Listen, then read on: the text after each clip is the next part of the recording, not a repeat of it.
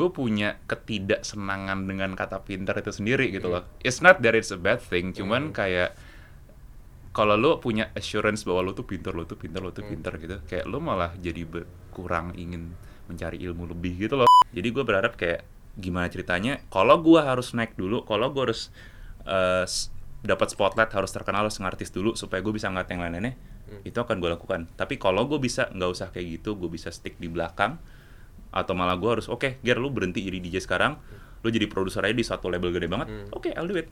Asal itu bisa ngebantu yang lain-lain kayak gitu juga. Ya.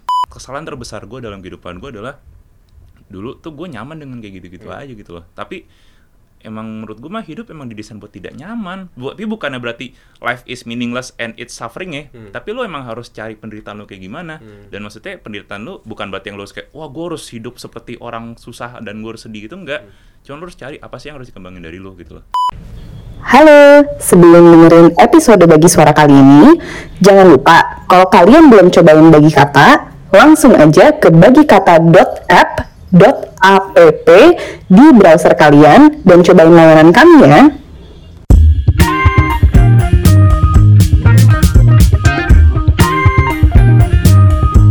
Bagi suara.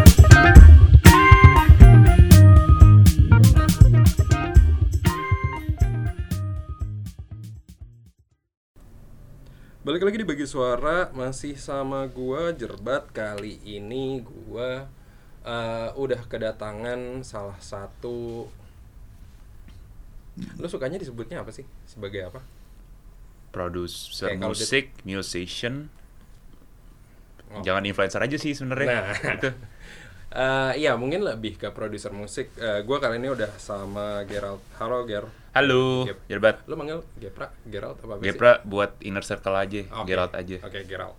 Siap. Jadi eh, mungkin eh, kalian tahu eh, salah satu project yang biasanya dikerjakan eh, Gerald ini adalah eh, Weird Genius. Yes. Selain WG ada nggak sih kalau yang project eh, itu? Sebenarnya ada. Gua gua kan emang di Virginius tuh dari tahun 2019 ya kan, 19 akhir. Tapi sebelum itu juga gue udah kerja di background gitu kan. Gue sempet kerja di ada di label ini, label itu, sempat freelancing juga untuk bikin beat segala macamnya. Nah, gua di belakang gue bikin proyekan sendiri gue namanya Geralt Geralt dari situ sebenarnya aim gue adalah gue beat making. Beat making itu apa? Intinya gue bikin beats bikin musik buat rapper rapper jadi salah satu yang pernah gue kerjain dan paling sukses adalah Ramen Girl Hmm.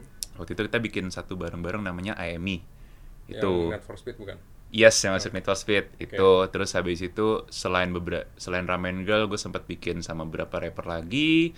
Salah satunya yang sebenarnya gimana ya? Gue bingung kayak dia underrated tapi dia kebanggaan gue juga gitu namanya Sleepy Door orang Bandung dia rapper asal Bandung dan kayak kita we actually made a song that reach 1 million views Hmm.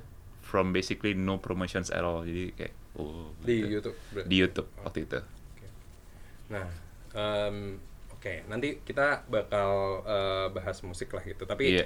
sekarang gue pengen bahas lo dulu sih. Kalau lo tuh eh, secara personality lo sendiri ngeliat diri lo tuh gimana sih?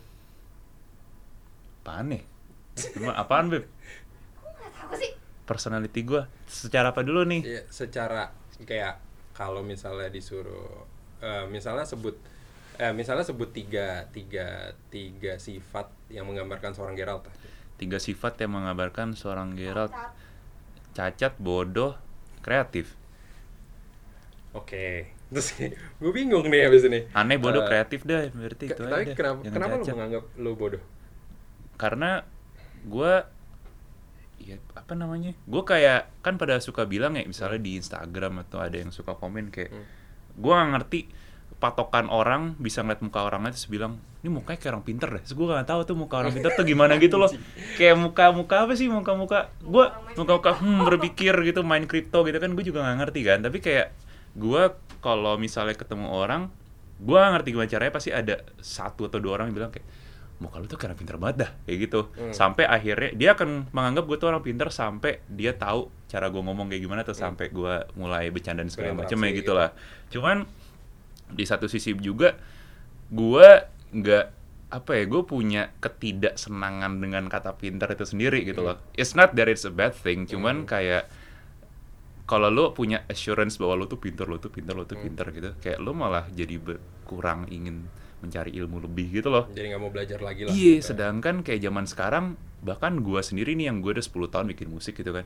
Gue masih belajar terus dan gua belajarnya surprisingnya bukan sama orang-orang yang lebih senior atau gimana, justru entah gimana caranya, gue dapet ilmu jauh lebih banyak sama orang-orang yang mulanya tuh malah lebih di belakang gua gitu loh. Oh. Yang pokoknya bocah-bocah junior gitu ibaratnya itu ya, ngasih gue banyak knowledge. Jadi gue berpikir, oke gue akan selalu jadi orang bego in a way gitu loh. But Hmm. it's okay karena Iya.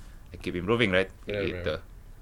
Oke, lu mention uh, lu kurang lebih udah 10 tahun lah gitu, which, uh, which is uh, lu sekarang 25 tahun ini. Bukan? Yes, 25. Heeh. Berarti dari 15 tahun. Lu dari 2010 itu dari SMA kelas 2 SMA kelas dua. Lu pertama apa? Belajar instrumennya apa? Gitar. sebenarnya gue awalnya banget main piano kan keluarga gue yang Hmm. Asian banget gitu ya mak gue kan dari Cina yang Cina totok banget gitu jadi memang diwajibkan les piano nah itu gue mulai dari TKB tapi kenapa gue di encourage banget ini ada hubungannya sama konten-konten yang bikin gue viral Hmm. di Instagram gara-gara perfect pitch gue Nah, itu tuh lu nyadar dari kecil itu dari Nah. SMA itu. awalnya gue nggak nyadar bahkan sampai sampai kayak tahun lalu pun tuh gue nggak nyadar gue Hmm. merasa cuman kayak oh mungkin ini sesuatu yang ya orang lain bisa latih juga gitu loh Hmm. sampai waktu te- waktu itu gue ngobrol ke nyokap gue nyokap gue bilang eh tau nggak ger Eh, kenapa mama maksain kamu les piano dulu gitu kan terus, terus katanya emang kenapa gara-gara katanya ternyata pas dulu les piano. Jadi ada assessment. Waktu itu ada assessment di mana lu disuruh main buta banget. Jadi bayangin lu nggak tahu knowledge Tahu apa pun soal apa. piano. Hmm. lu disuruh main dan ada ada kesempatan di mana dia mainin satu nada gue disuruh nebak. Oh. tebakannya 100% benar semua. Terus kata gurunya kayak anjir nih orang kayak punya eh bu nih orang kayak punya sesuatu yang beda dari Hmm, orang hmm, lainnya hmm. jadi mendingan sebisa mungkin dilatih aja kayak gitu kan. Ya makanya gue baru tahu kenapa dari dulu emak gue tuh bersikeras banget untuk gue ngejar piano klasik itu Hmm. ternyata gara-gara ada sesuatu yang namanya perfect pitch itu kan kayak Hmm. gitu dan gue juga nanya ke teman-teman gue yang musisi bahkan kayak ke Eka sekalipun gitu kak perfect pitch emangnya nggak bisa lu pelajari nih Hmm. Terus kata dia nggak bisa gear itu itu emang sesuatu kalau lu bisa niup botol so tahu suaranya apa katanya itu ya emang kayak bawaan lahir deh Hmm. cuman kalau yang musisi bisa pelajari itu atau yang orang-orang bisa pelajari Hmm. namanya adalah relative pitch Oke. relative pitch itu kayak lu latihan pokoknya lu ngafalin nih notes notes di piano atau di gitar Hmm. lu perkirakan sendiri ujung-ujungnya gitu Nah, kalau kayak gitu, tapi lu tau nggak ada musisi lain yang bisa kayak gitu juga apa? Wah. Yang lu pernah ketemu? yang pokoknya pas gua baru banget ngepost soal itu di Twitter kan awalnya kan Hmm. pada mention Charlie Puth ternyata gue baru Oh. tahu si Charlie Puth bisa bikin yang kayak gitu juga Oh, cuman ternyata itu pun kayak ibaratnya kalau Naruto kayak ada cakranya ada levelnya gitu loh. Mhm. kalau gue mungkin masih yang level segini doang tapi ada yang level segini. Lu mesti cari di YouTube ada namanya Rick Bito. Hmm. Rick Beato. Rick Beato ini punya anak. Anaknya ini kalau gua kan cuman bisa nada satu satu nada Hmm. gitu kan kayak do do gitu gitu doang kan. Cuman nih anak ini lu bisa dia bisa nebak chord bahkan chord yang suaranya fals banget. Jadi kayak empat atau lima not dipencet bersamaan. Hmm. Dia suaranya nggak dia tahu semua hafal semua dan eh, dan eh, tahu semua dan itu diulang sampai 3 4 kali anaknya kayak cuman oh ini nada ini ini ini ini gitu jadi itu menurut gue lebih ekstrim lagi daripada yang gue Iya, punya iya, gitu iya, kan iya. Tapi itu berarti sejauh ini benar-benar ngebantu lo banget di eh, ketika lo nge-produce musik gitu-gitu kan. Wah kagak coy, itu ada hubungannya sama yang gue bilang tadi tuh soal pinter-pinter pinter gitu. Oh, Jadi oke. kayak wah apa, gue kayak mungkin dari dulu gue selalu dibilang kayak wah gue terlalu gifted terlalu gifted nih. Hmm. Efeknya sebenarnya nggak bagus adalah gue jadi males. Hmm. Gara-gara gue merasa ah lah gampang gitu kan, Iya, yeah, gue udah bisa gitu kan. Dan ternyata sampai ke sini pun gue baru benar-benar belajar intens musik itu ya sekitar 3-4 tahun terakhir Hmm. gitulah ujungnya ini ada yang pating Nah, anjing makanya gue ya udahlah. Oke lah. Anyway. Eh, ya terus habis itu Ntar lu gue buyar Iya dah. Ada yang senam kayaknya Zumba Sebentar guys Ya pokoknya gitulah em, Apa Gue nggak sukanya itu bikin gue jadi males Kayak seolah-olah gue punya super power Untuk Hmm. membuat musik apa pun gitu kan Hmm. Tapi kan kenyataannya enggak Bahwa ya mungkin talent atau apa pun yang orang bilang terhadap talent itu mungkin cuma ngebantu segini doang gitu tapi sisanya untuk segininya 90% nya gitu ya lu harus punya effort Hmm. Lu harus punya kerja keras terus dan lu harus berusaha terus dan part of working part of making effort is making yourself feel stupid gitu loh Iya. Iya nggak sih Iya, iya, iya. karena gue pas gue misalnya apa gue merasa memang si apa si perfect pitch ini ngebantu gue di beberapa aspek untuk Hmm. bikin musik tapi di banyak lain aspek apalagi misalnya pas gue ketemu Eka pas gue ngeliat di cara dia kerja cara dia bisa kerja tuh effortless banget gue berasa kayak buset nih gue masih bego banget dibanding dia gila tapi in a way gue juga salut karena gue mulai 10 tahun dia sudah mulai mungkin 20 tahun gitu loh. Mhm. gitu Iya, iya, iya. Yang penting ya, ya maksudnya jangan keba jangan eh, apa ya, biar nggak biar nggak terlalu di atas angin lah gitu. Jadi Iya. kayak ngeliatnya kayak orang lain ah gampang ah gampang. Mm-mm, mm-mm. Ya, ya, ya. Nah, terus eh ya tadi kayak gue mention lo dua sekarang 25 tahun. Lo ngalam lo ngerasain nggak yang namanya quarter life crisis? itu apaan sih Lo nggak tahu. gue nggak tahu itu apa sih definisinya definisinya Definisinya apa ya? Kayak Oke gini, mungkin lebih kayak lo lo ngerasain kayak mikir anjing hidup gue mau ngapain lagi ya gitu. Hmm. Yang kayak gitu lo sempet sempet ngerasain, sempet kepikiran nggak gitu? Atau kayak udah karena lo udah tahu kayak ah ya udah gue mau misalnya ya, lo gue mau ngerjain ah gue mau ada di pokoknya ada di dunia musik sampai seterusnya gitu. Oh, ceritanya kayak mencari jati diri gitu, tapi Tapi- mencari lagi. Hmm. Nggak tahu ya, kalau ngomongin krisis, menurut gua kalau standar gua standar krisis gua udah rendah banget kayak gua nggak akan punya krisis kayak gitu deh. Maksudnya gua udah Hmm. pernah punya krisis moneter, Iya. miskin banget pernah, krisis temen pernah, krisis kasih sayang keluarga pernah ya, krisis kehidupan juga pernah. Maksudnya gue pernah punya existential crisis pas gue zaman zaman kayak SMA gitu, Hmm. kayak gue mikir anjir nih hidup gue gue buat apa ya Hmm. temen nggak punya hobi kagak didukung di rumah juga nggak enak gitu kan situasi kan jadi Hmm. mungkin gue udah pernah ngelewatin masa-masa di mana itu ngebentuk otak gue sehingga gue udah nggak bisa tuh yang namanya punya midlife crisis eh sorry quarter life crisis atau midlife Hmm. crisis gitu kan Hmm. karena gue nggak ngerti mungkin sampai sekarang sejujurnya gue belum tahu jati diri gue bener-bener kayak apa ya Hmm. cuman yang gue bener-bener paham ya gue gue bisa bilang gue punya prinsip sih dalam Mhm. kehidupan gitu mungkin itu juga yang ngebantu gue supaya nggak berbet oh ini jati diri ini nih terus kalau temen gue apa gue ngikutin gitu-gitu Hmm. Tapi tadi lo bilang eh, apa namanya lo sempat hobi lo nggak didukung. Lo di musik nggak langsung dari oh, awal. tidak kira jelas gara-gara tadi lo udah dilesin terus akhirnya kayak oh dia punya gift kayak langsung tidak kan apa yang diomongin belum tentu apa yang didukung jadi ya jadi kebiasaannya eh, eh, orang-orang tua di Asian yang Cina gitu bener-bener kayak di sitkom Hmm. yang kayak lo disuruh les piano nih Hmm. tapi jadi lo harus jadi dokter harus jadi akuntan Oh. atau jadi jadi pengacara masih konservatif banget. nah lo ya. tebak gue dapet yang mana harus jadi apa awalnya dokter. akuntan Oh. gitu makanya dulu tuh ada masa-masa di mana gue pas pagi kuliah akuntansi tapi malamnya gue ngulik-ngulik laptop Hmm. buat bikin musik kayak gitu Lo gitu kuliah akuntansi? UGM Oh, 2013 oke oke oke. Tapi emang emang eh, lo emang udah tahu lo tetap akan mau lebih ngedalamin musik.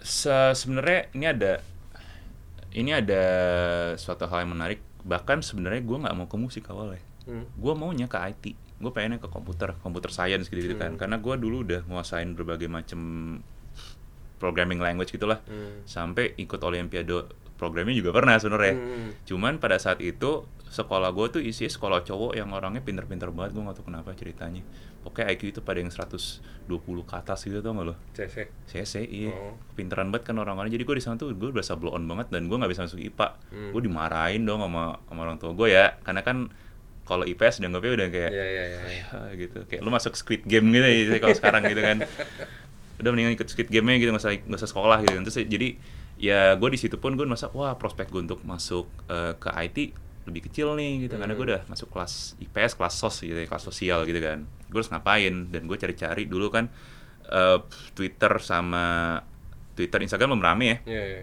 jadi nyari ilmu tuh mesti dari Tumblr sama dari ya pokoknya anything you can find on the internet websites gitu kan. Dan gue nemuin ternyata kayak hey did you know you can make you can make music with just a laptop gitu kan Hmm. dan gue lihat siapa sih yang bisa bikin kayak gini ternyata ada nama-nama kayak Skrillex Dead Mouse Def Punk gitu kan. Iya, iya. Def Punk yang sudah lama dari 97 udah bikin kayak gitu-gitu kan. Terus gue pikir gimana nih caranya? Gue cek tutorial di YouTube. Tau gak sih lo zaman YouTube yang belum bisa like dislike, Iya, iya, bisa iya. bintang 5 Benar, doang. benar, benar. Itu dari zaman itu gue udah lihat gitu kan. Dan gue ngeliat, oh ternyata bisa nih ada program namanya dulu Reason, Reason gitu. Itu bisa dengan laptop Acer jebot banget, gue bisa bikin Bikin. itu dan ternyata kayak wah keren nih bisa lu bisa bikin suara drum, bisa bikin suara trompet-trompetan, suara gitar-gitaran tapi modalnya laptop doang. Bener-bener pre Ableton dan kawan-kawannya. Yes, ya. itu pre Ableton banget dah Iya, pokoknya iya. kayak gitu. Oke. Terus em, yang waktu lu dulu ja ikut, lu sempat ikut dari dari mix itu kan? Yes, Itu di pas lu eh, tahun berapa? kuliah.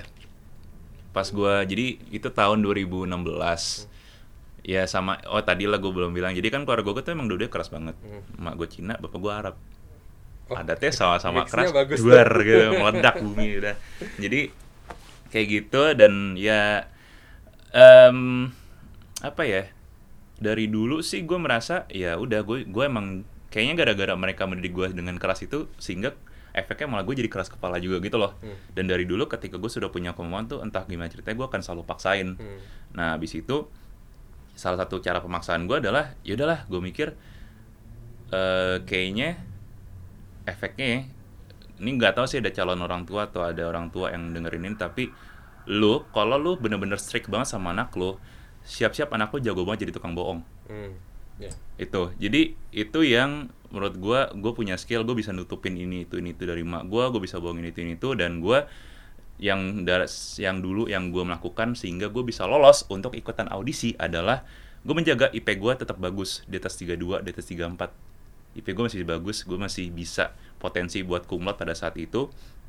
Tapi at some point of time gue cuman kayak oke gue udah siapin nih gue udah menang beberapa pada saat gue dapet IP bagus itu gue udah menang juga kontes-kontes remix ini itu ini itu gitu loh di internet. Jadi gue udah udah menang dulu udah menang 10 15 jutaan gitu. Sebelum si Dremix. Iya bermodalkan laptop dan malam-malam habis kuliah bikin musik Hmm. kayak gitu kan. Bu- bukan belum belum- belum dari mix ya itu ya. Nah justru dari situ gara-gara gue sering menang kontes remix online itu gue diundang sama Net TV untuk kayak eh lu mau nggak ikutan audisi tertutup Hmm. kayak gitu ikutan audisi tertutup terus lu datang aja ke Jakarta ya udah duit-duit semua yang gue punya tuh kan gue duka dikasih duit saku cuman nggak banyak ya jadi duit saku saku yang gue kumpulin yang habis gue bekas habis kerja dan ngedijen segala macamnya gue kumpulin gue udah siap-siap kalau gue harus ngekos ke rumah eh kalau gue harus ngekos Jakarta gue ngekos pakai sendiri gue balik ke Jakarta pakai pesawat pakai tiket beli sendiri gitu kan ikutan audisi nah di audisi itu kan gue berdua sama teman gue gue waktu itu masih DJ duo gitu ceritanya kan Eh, itu grup ya? Gue kira. Gua kita tuh grupnya bertiga, jadi ada gua berdua sama teman gua Hmm. as producer, satunya itu vokalis Oke. kayak gitu. Terus ikut, terus abis itu eh, nunggu hasil keterima dong.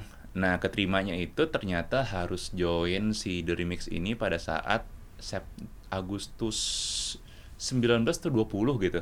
Dan sayangnya pada tanggal 21 tuh seharusnya gue udah start kuliah lagi. Hmm. Terus waktu itu ya udah gue di rumah gue bilangnya ke emak gue dengan muka datar, mak gue ikutan remix ya gitu ya. Hmm. Terus emak gue kayak, lu kuliah gimana? Ya pospon dulu lah sebulan, eh sebulan satu semester gitu kan. Terus emak gue bilangnya, ah gue udah sering banget cerita sih sebenarnya. Tapi emak gue bilang, oh ya udah episode per- episode pertama kalah aja ya, biar balik kuliah lagi. gitu, itu dukungan terbesar dari orang tua gue kayak gitu. Oke. Cuman ya nggak tahu ya maksudnya gue pahit-pahit seneng gitu kayak gue dikerasin banget sampai-sampai itu gue gue ingat sih gue gue merasa buset itu gue marah marah banget kan. Tapi kan gue nggak nggak bisa ngelampiasin dong maksudnya gue masih respect sama orang tua gue kan. Tapi gue ngelampiasin kayak gila ini nggak ada gimana nggak ada cara lain gue mau nggak mau gue harus menang Gitu. Tapi akhirnya lu menang waktu itu juara. Eh, juara dua Lu bareng sama Mardial nggak sih nggak? ya? no Mardial nggak pernah ikutan gitu gituan Mardial mungkin cuma ngebantu doang tapi nggak Iya, pernah yang ikutan dulu kalau season satu ada Jevin namanya kalau lo tahu Eh, Jevin Julian. mungkin? Yes, Devin Oke, Julian. oke. Season kedua kayaknya ada yang lu kenal deh. Oh. Oke oke. Nah tapi sejak dari dari situ kan berarti itu ya pertama kali lo sampai yang level tampil di TV nasional lah Iya, ya. iya. Abis itu eh the, the remix berarti lumayan ngeboost karir lo di musik atau kayak ya lo sempat Hmm, low lagi atau gimana? gimana nih? Lu tahu kan nasib TV sekarang kayak apa? Ya, Ya Gitulah. Lu ngerti lah nasib artisnya di belakangnya kayak apa juga. ya. Gitu. Jadi TV bisa membantu kalau TV-nya bagus. Kalau Oke. TV-nya bukannya jelek ya, kalau TV-nya niche banget, Ya, ya, fansnya juga kan niche banget Iya, gitu sih. Oke. Terus lo abis itu eh berarti lo abis itu baru ketemu Eka sama Arab tuh Wah itu jauh. Jadi gua menang dari mix itu kan ya 2016 juga lah ya. Berarti Agustus, September, Oktober gua menang tuh Oktober ya. Terus abis itu gua sempat manggung-manggung dulu dong di tekan kontrak sama Net TV. Pokoknya ada manajemen mereka kita manggung sekitaran setahunan gak sih? Setahunan lah ya sampai tahun 2017. Abis 2017 gue pikir ah gua belum siap manggung nih. Gue belum siap jadi artis gue pikir.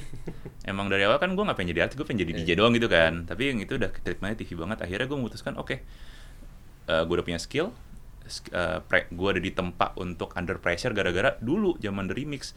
Lu bayangin lu disuruh bikin dua lagu dalam seminggu.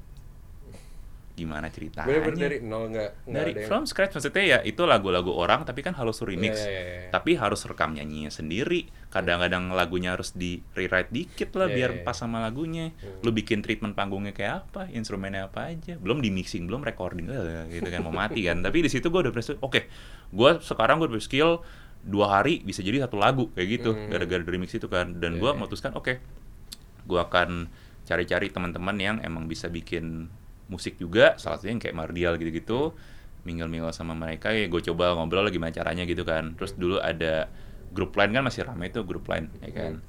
Masuk-masuk grup line ya terus ditawarin apa ya, ditawarin job ini job itu ikut-ikut akhirnya gua dapet eh, job sebagai produser dan sound engineer di jadi Falcon Music.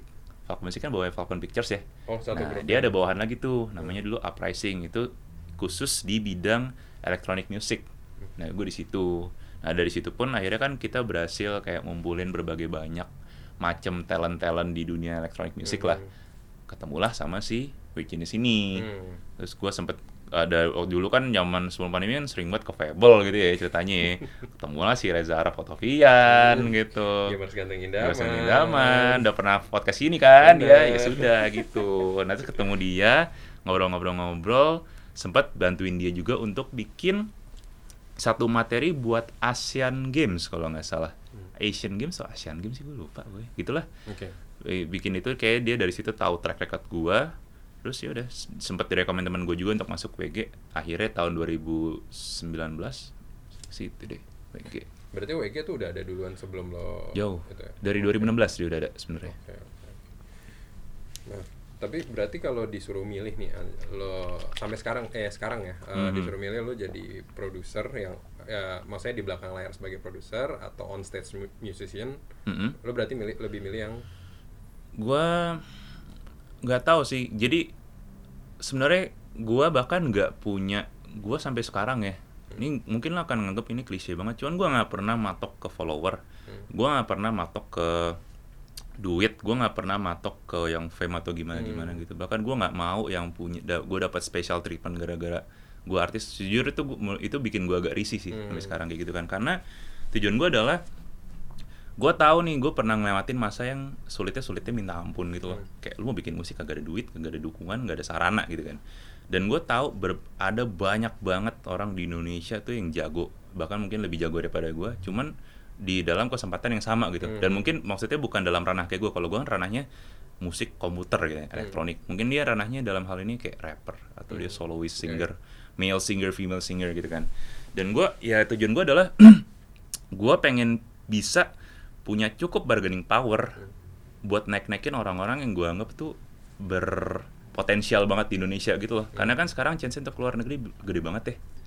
Jadi gue berharap kayak gimana ceritanya kalau gue harus naik dulu, kalau gue harus s- dapat spotlight harus terkenal harus ngartis dulu supaya gue bisa ngeliat yang lain-lainnya itu akan gue lakukan. Tapi kalau gue bisa nggak usah kayak gitu gue bisa stick di belakang atau malah gue harus oke Ger lu berhenti jadi DJ sekarang lu jadi produser aja di satu label gede banget oke I'll do it. Asal itu bisa ngebantu yang lain kayak gitu juga. Ya. jadi ya, ya salah satunya ya maksudnya lo pengen give back to help the community yang Hmm. susah kedapat exposure lah ya. iya itu sih sebenarnya Oke oke oke. Nah, eh, tadi kan lu bilang eh, sempat mention juga nggak nggak nggak terlalu suka di treat quote unquote treat sebagai artis gitu. Mm-mm. Dan ber- waktu itu pas so far berarti yang streamnya paling gede dari WG pasti Lati ya. yes Bening lain. Ha-ha. Nah, pas latih itu udah jadi hit banget gitu. itu kan juga lumayan ya maksudnya secara uh, fame lo juga tiba-tiba naik lah gitu as a part of it gitu berarti Iya. lo ada masa-masanya lo jadi merasa nggak nyaman banget tapi gimana ya Enggak sih, apa? Enggak, enggak, enggak nyaman, enggak nyaman juga. Kayak yang special treatment itu gue, ya kadang-kadang gue merasa, oke, thank you ya, gitu. Cuman, ya kadang-kadang kayak you don't have to do that, bro. Gitu. It's kayak gitu doang, kayak slight, slight discomfort, but it's nothing bad to me, gitu, right? gitu kan. Dan ya kalau soal fans-fans gila yang mendadak tahu alamat gue ya itu udah kejadian mungkin sekali dua kali gitu lah. Yang ngirim apa itu udah kejadian. Yang ngirimin gue dick pic juga banyak gitu. Jadi kalau lu eh, kalau if some of you uh, women gitu talk about sexual harassment trust me I've been there gitu. Kayak bahkan sama cowok sekalipun gitu kan. So I've I've got a lot of like crazy fans and all that shit gitu but ya gue nggak nggak terlalu nganggap itu sebagai hal-hal yang gimana dan gue nggak pernah membiarkan itu terlalu masuk ke dalam kepala gue karena ujung-ujungnya gue cuman kayak pas di rumah ya gue kayak orang yang gitu aja gitu demen makan demen bikin musik cuma demen konten itu gitu doang gitu loh tapi lo kalau jadi lo demen konten tapi kalau dibilang jadi content creator lo Enggak. enggak Enggak, enggak. Karena konten creator itu cuman sarana gua buat apa namanya? Buat ngelepas stres sebenarnya sih itu. Hmm. Cuman gara-gara kemarin gua kena covid ya, kok aku jadi bego. I- idenya hilang semua, gua nggak bisa bikin apa-apa, semua gue stres banget dah waktu itu. Wah, berasa banget sih emang kalau iya kan, covid iya kan gila. Akhirnya gue main game dan gue menghabiskan banyak duit untuk beli skin gitu. Jadi jangan kena covid guys, ntar gacha-gacha Genshin Impact gacha-gacha Genshin Impact, skin-skin Mobile Legends, skin-skin Valorant dan lain-lainnya itu menghabiskan duit gitu. Oke, eh terus kalau lo sekarang di ya di karir lo sekarang nih ada nggak hal-hal yang pengen lo masih pengen lo capai atau something yang misalnya collab sama artis luar or something? Hal-hal yang masih pengen gue capai ya apa ya? Hal-hal yang masih pengen gue capai sebenarnya banyak sih. Em, Oke ini agak berat ya. Gua gua akan ngomong sesuatu yang mungkin kesannya agak-agak political tapi kayak kita kan suka banget ya ngomong yang kayak oh my god white people are racist gitu kan. Hmm. Cuman do you know like Asians are most racist Yeah. towards other Asians. Yeah, yeah, That's yeah. the thing. Yeah. Terus kita lo tau nggak kita orang-orang orang Southeast Asian kita dapat istilah jungle Asians man. Iya. Jungle Asians. Eh, maksudnya kayak ya it's a slang gitu lah. Yeah, Cuma yeah, gua yeah. nggak tahu itu sebenarnya merendahkan atau enggak. Cuman Mm. We got the term kayak there's a term Asians for like Chinese people, Korean, Yeah, yeah, Japan, yeah. Japanese, and then there's a term jungle Asian for like Filipinos, uh, Oh. Vietnam, like Tha- Thailand gitu. Pokoknya yang Asians tapi lebih hitam kan. Iya, iya. Dan lu tau lah gimana ceritanya negara-negara yang orang Asia tidak demen dengan orang-orang Asia yang kulitnya tidak seputih itu Iya, gitu loh. iya, iya. Gue tidak mempermasalahkan ya, maksudnya gue punya keluarga Arab, gue punya keluarga Jawa, gue punya keluarga Cina, gue pernah merasakan di semua semuanya gitu. Hmm. Tapi gue merasa terjadi banyak diskriminasi di mana orang-orang kita tuh sulit banget masuk keluar dan bahkan gara-gara faktor itu doang, faktor yang kayak se- sepintas warna kulit lah, terus yang kayak dicap ah orang-orang lu bego ngapain gue kerja sama lu kayak gitu loh. Iya, iya, iya. Dan yang kayak sorry sorry aja emang netizen Indo kan kadang-kadang kelakuannya nggak jelas ya. Bukan kadang-kadang kayaknya. Ya sering lah pokoknya kelakuannya nggak jelas. Tapi itu ngefek ke orang-orang yang mencoba Ya. penetrate market luar juga. Jadi gue kasihan banget nih buset masa kayak gini gitu loh. Hmm. Tapi di situ juga gue merasa ada suatu in- ada suatu disconnection karena gue nih pernah banget ngerasain jadi orang gembel kabupaten nggak lo? Yang yang tinggalnya di pondok gede, ya minggalnya di warung-warung gitu aja. Tapi kalau gue harus di kesempatan di mana gue harus ngomong sama sama kayak American like uh, soalnya orang-orang kantor gue kan sekarang yang di US semua kan itu udah LA based right? Dan sekarang ada juga yang udah Hong Kong based dan segala macamnya. Kayak if I gotta talk in a business manner I can do it gitu. But if I gotta mingle with the guys with the bros I can do it gitu kan. Dan sayangnya banyak orang-orang yang katanya mau ngebantu mengayomi se Indonesia gitu tapi dia tidak bisa tidak bisa connect dengan orang-orang Indonesia. Itu kadang-kadang yang gue agak kecewa sih karena dan tapi gue tidak bisa nyalahkan gara-gara memang ada kesenjangan sosial yang begini banget Iya, gitu iya, loh. iya. dan memang orang Indonesia sendiri kan jadi masalah kita punya berapa suku sih? Puluhan ribu ya? Banyak dua belas ribu nggak sih? Tahu sekitar 12.000 ribu ethnic group kan di sini kan. Jadi menyatukan semuanya susah nyari-nyari yang bagus juga susah terus pengen connect satu sama lain juga susah gitu loh Hmm. kayak lo menyatukan rakyat Twitter dengan rakyat Instagram itu setengah mati, Setengah ya kan. mati, gitu. Lu gimana cara menyatukan rakyat di pulau ini dengan di pulau itu itu juga susah setengah mati. Jadi mungkin itulah salah satu yang gue pengen kayak hey Indo tuh bisa loh keluar gitu. Banyak bu- bukan cuma WG doang, maksudnya ada Rich Brian, Nicky, Iya, iya. eh, mungkin kalau di Indo, yang elektronik ada juga Alfie Rev namanya kan. Hmm. Tapi ya maksudnya masih itu itu doang gitu. I want more man. I want more. Hmm. Kita tuh negara kita hampir seluas Amerika man. Masa nggak bisa keluar nggak usah ke US nggak usah ke Europe gitu. Kasih doang. Gue minta gitu doang. Tapi lu lu tahu gak sih yang sempat ada eh, yang voting di Jemek Mm-mm. yang ada siapa sih yang tiba-tiba gini gini deh pertanyaannya gini deh Eh, kalau menurut lo em, terms gimana ya kalau ya, terms apa ya karya anak bangsa or something something gitu. Iya. Iya. Oh, yang itu masih baru-baru hangat. iya, aku tahu. itu tapi tapi emang nggak ya gini gue gue jujur gue nggak ngikutin banget tapi pas gue cari gue kira ini tuh kayak gue gue pertama kali kira ah masa WG sih kan kayak Ah. nggak mungkin terus pas gue Nggak. cari-cari who the fuck are they buat gue soalnya gue Hmm. gue nggak nggak ini tapi menurut lo cara seperti itu yang ibaratnya karena gue mau voting gue baru kayak bawa-bawa Indonesia what do you think Gua orangnya dari dulu gini sih, pokoknya kalau lu mendukung WG karena orang WG orang Indonesia, ya udah gue sangat berterima, Hmm. kasih dong gitu. Hmm. Kayak gue berterima kasih lu mendukung eh, apa sebagai fans dari Indonesia Hmm. lah. Cuman gue secara pribadi I'm always against identity politics. Hmm. Mau itu soal mayoritas, mau itu soal minoritas gitu loh. Mau Hmm. itu soal sorry ya maksudnya kayak oh LGBT nih atau oh agama ini agama itu kayak I'm always against that gitu kan.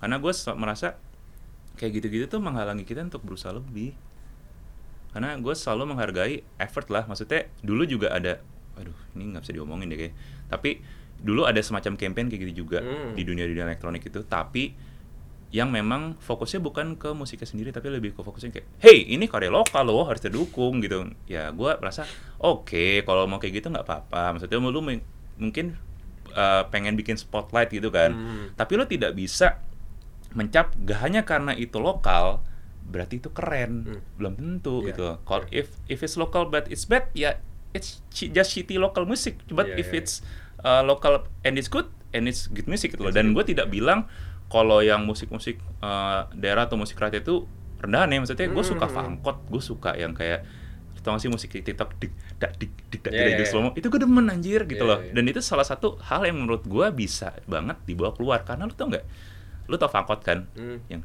lagu angkot yang kayak gitu gitulah itu si ya lu pasti tahu Saniter kan? Saniter baru ng- ngerilis album Fangkot. Yes Saniter Coven. Ya ya dan itu nyampe ke Shibuya lu tau nggak?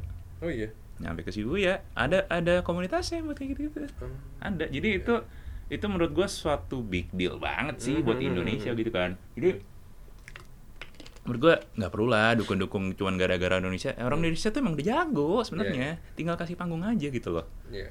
Dan kalau emang pada akhirnya ya, kayak lu bilang tadi kayak it's- if it's a good music kayak ketika orang mau dukung ya mereka akan langsung dukung aja ya Ya, apalagi netizen Indo juga kalau udah dukung fanatiknya kenceng juga gitu. Iya, dan menurut gue juga apa ya?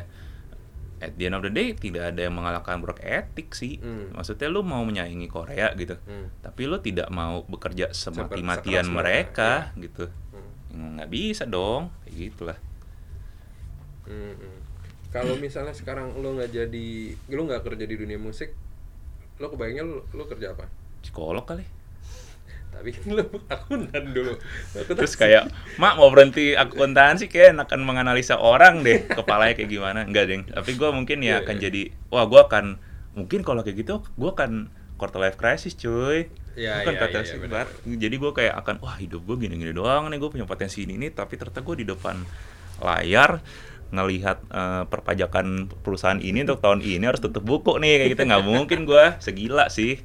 Gue bisa beralih ke hal yang tidak menyenangkan gitu mungkin ya Iya, gitu. iya, Eh, nih eh, apa terakhir deh. Eh, lo kalau misalnya eh, lo balik ke SMA deh gitu. Mm-mm.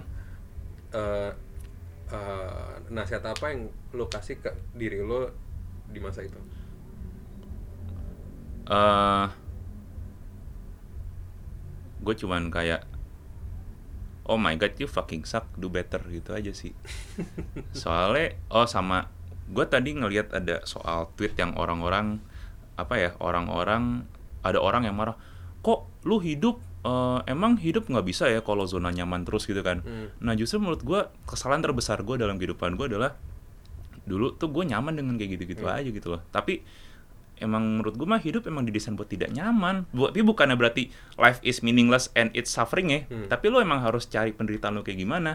Dan maksudnya penderitaan lo bukan berarti yang lo harus kayak wah gue harus hidup seperti orang susah dan gue harus sedih gitu enggak. Cuma lo harus cari apa sih yang harus dikembangin dari lo gitu loh. Dan lo saat mengembangkan diri kan lo suffering men. Kayak gue misalnya gue mau naikin bicep gitu. Mau bikin bicep mau bikin otot dada itu kan gue harus ngangkat ini narik itu gitu kan. Dan itu kan gue akan sakit. Otot gue akan suffering gitu besoknya gara-gara pegel kan. Tapi kan gara-gara gara-gara gue pegel itu otot gue bisa nembuh gitu loh.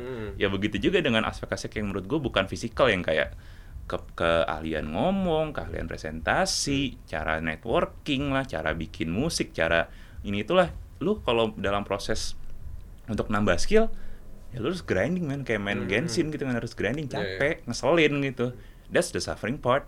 Cuman ujung-ujungnya ketika itu ya zona nyaman lo kan makin naik makin nambah makin nambah. Iya, iya. dan pada saatnya juga lo harus tetap grinding lah sampai sampai sampai gede banget nih Hmm. kayak gitu. Ya udah. Jadi ya menurut gua kalau dulu yang gua zaman-zaman SMA gua diginiin gua digituin gua dibully ya maybe it's because I deserve it sebenarnya. Hmm. keras banget sih. Cuman gua nggak bisa bilang say yes to bullying ya maksudnya ya. Cuman at at some point ya mungkin gara-gara lu kelakonnya apa kali ada sesuatu yang emang harus dikembangkan gitu loh Ya, ya, ya, ya. who knows gitu Ya, ya, ya. Ya, gue juga sempat kepikiran sih masalah yang SMA gue kan juga cowok semua. Iya. Cuma kalau kan versi pintar. Heeh. Saya yang versi PL. bangsat. Oke, ya paham, paham, paham. Jadi kayak kalau bilang bullying itu bagus, enggak juga, enggak sih. Tapi kayak ya mungkin udah beda zaman aja. Jadi mindset, mindset dan lain sebagainya juga udah beda. Iya, sama ini nih sih, gue mau selagi kita ngomongin bullying, gue mau pesan satu hal nih. Iya. Kan suka orang banyak orang yang berandai-andai, orang yang ngebullying gue, gedenya jangan-jangan gak sukses gue. Kagak cuy, dia lebih Iya, sukses iya, pada iya, lu. iya, iya, iya. Lebih sukses, lebih ganteng, ceweknya cakep, kaya. Sekarang lagi di lagi Italia, lagi jalan-jalan, kita semua lagi PPKM bisa ke mana-mana, sumpah dah. Jadi lu tabah-tabahin aja, emang life isn't fair ya, you have to suffer, nggak apa-apa gitu loh, gitu. Oke. Oke deh, kalau gitu thank you Ger udah sharing-sharing dan Oke. eh, thank you juga yang buat udah dengerin sampai akhir. Jangan lupa untuk follow bagi suara di Twitter dan Instagram dan TikTok kalau udah ada kontennya. Oke. Oke. Yuk, Kalau bye. gitu. Thank you, bye. Tuh.